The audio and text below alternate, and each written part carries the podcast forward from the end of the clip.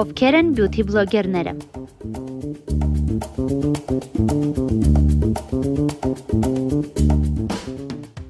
Բյութի բլոգերները այն բլոգերներն են, ովքեր ստեղծում են կոնտենտ, թվային կոնտենտ իհարկե, խոսելով, անդրադառնալով առհասարակ գեղեցկության թեմային։ Իրենք կարող են զանազան պրոդուկտների մեկնաբանումներ անել, հա, օձիվներ, ինչպես ասում են ռուսերեն լեզվով, խոսել գեղեցկության տրենդերից, կիսվել տարբեր հնարքներով եւ խորհուրդներով եւ ամենակարևորը կարող են նաև տարբեր փոքր եւ իհարկե ավելի լայնածավալ մասշտաբով փոքրիկ տուտորիալներ պատրաստել, թե ինչպես կարող են մարզերը հարդարել, ինչպես կարող են մազերը ֆենել, մաշկի խնամքից կարող են խոսել, իհարկե կարող են օրինակ եթե հմտություններ ունեն դիմահարդարման, կարող են նմանատիպ տուտորիալներ էլ այսպես ասած տեսագրեն եւ ցույց տան իրենց լսարանին եւ շատ այլ տարբեր կոնտենտի տեսակներ, ինչը վերաբերվում է գեղեցկության թեմային։ Beauty blogger-ը նաեւ որոշ beauty blogger-ներ նաեւ շատ անդրադառնում են նորաձևությանը, թեև այդ դեպքում արդեն կոչվում են beauty եւ նորաձևության blogger։ Ես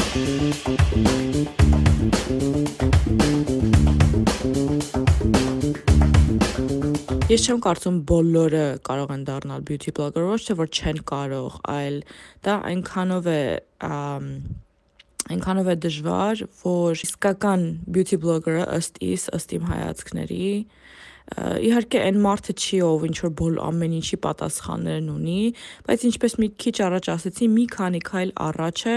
հասարակությունից, այնքանով, որ ավելի շատ փորձարկումներ է արել, ավելի շատ ապրանքներ է գնել եւ համեմատել, օրինակ բյուջետայինը ընդդեմ լյուքսի եւ ոչ միայն դիմահարդարման ոլորտում, օրինակ մազերի ոլորտում, մազահարդարման ոլորտում, խնամքի ոլորտում, նա այն մարդն է, ով որ օրինակ կարող է ժամերով, օրերով խանութները տնտղել եւ համեմատություններ անել, նշումներ անել, գնել տարբեր ապրանքներ եւ օրերով փորձարկել, որպեսզի կիսի իր անկեղծ եւ սուբյեկտիվ կարծիքը իր լսարանի հետ։ Օրինակ տարբեր տեսանյութեր է պատրաստում, որտեղ ցույց է տալիս, թե X product-ը ինչպիսի տեսք կամ վերջավորություն ունի, օրինակ մաշկին։ Դա բավականին բարդ եւ լայնածավալ աշխատանք է եւ ոչ թե որ ամեն մարդ չի կարող անել, այլ ուղղակի ամեն մարդու համար չէ դա։ Օրինակ ես beauty blogger եմ ու ես հասկացել եմ, որ ես դժվար travel blogger օրինակ դառնամ, ճամփորդության բլոգեր, որովհետեւ դա ավելի բարդ բարդ եւ շատ էներգիա պահանջող աշխատանք է, որը որ ես պատրաստ չեմ անելու։ Էնպես որ այո, բոլորն էլ այսպես ասած կարող են դա անել, բայց հարց է առաջանում, կարող են դա հնարավորինս լավ անել, հետաքրքիր լինեն, անկեղծ լինեն, պահպանեն հումոր,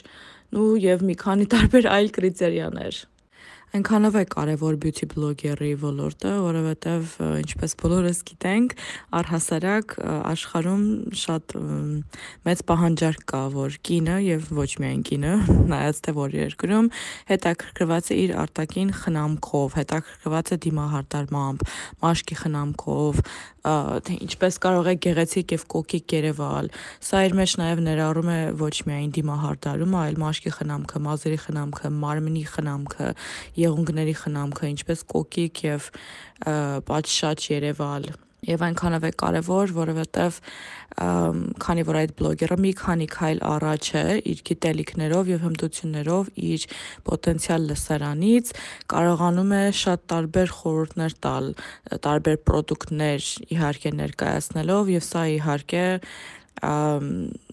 բարենպաստ է անդրադառնում տնտեսությանը, որովհետև օգնում է տարբեր խանութների մարքեթինգով։ Այսպիսի աշխատանք կատարելով Այսինքն սա տարած է լինում տարբեր խանութներին եւ ընթացքում արդյունքում աներևակայելի գովազդ է ստացվում։ Իսկ թե ինչ է պետք beauty blogger դառնալու համար, պետք է անկեղծ շատ բարձից բարձ ասեմ սիրել իսկապես այդ beauty ոլորտը, սիրել այդ փորձարկումները, սիրել ուսումնասիրությունները, սիրել իմանալ տարբեր տեսակի խնդիրները մաշկի հետ կապված, մազերի հետ կապված, մարմինի խնամքի հետ կապված, որովհետև եթե դու չես սիրում, դու չես էլ տնտղի, չես էլ հետաքրքրվի, չես էլ փորձարկի, իսկ եթե այդ ամենը չես անելու, արդեն կոնտենտ չես կարողանա ունենալ։ Պատմում էր beauty blogger Սասնուհի Պասկևիչյանը։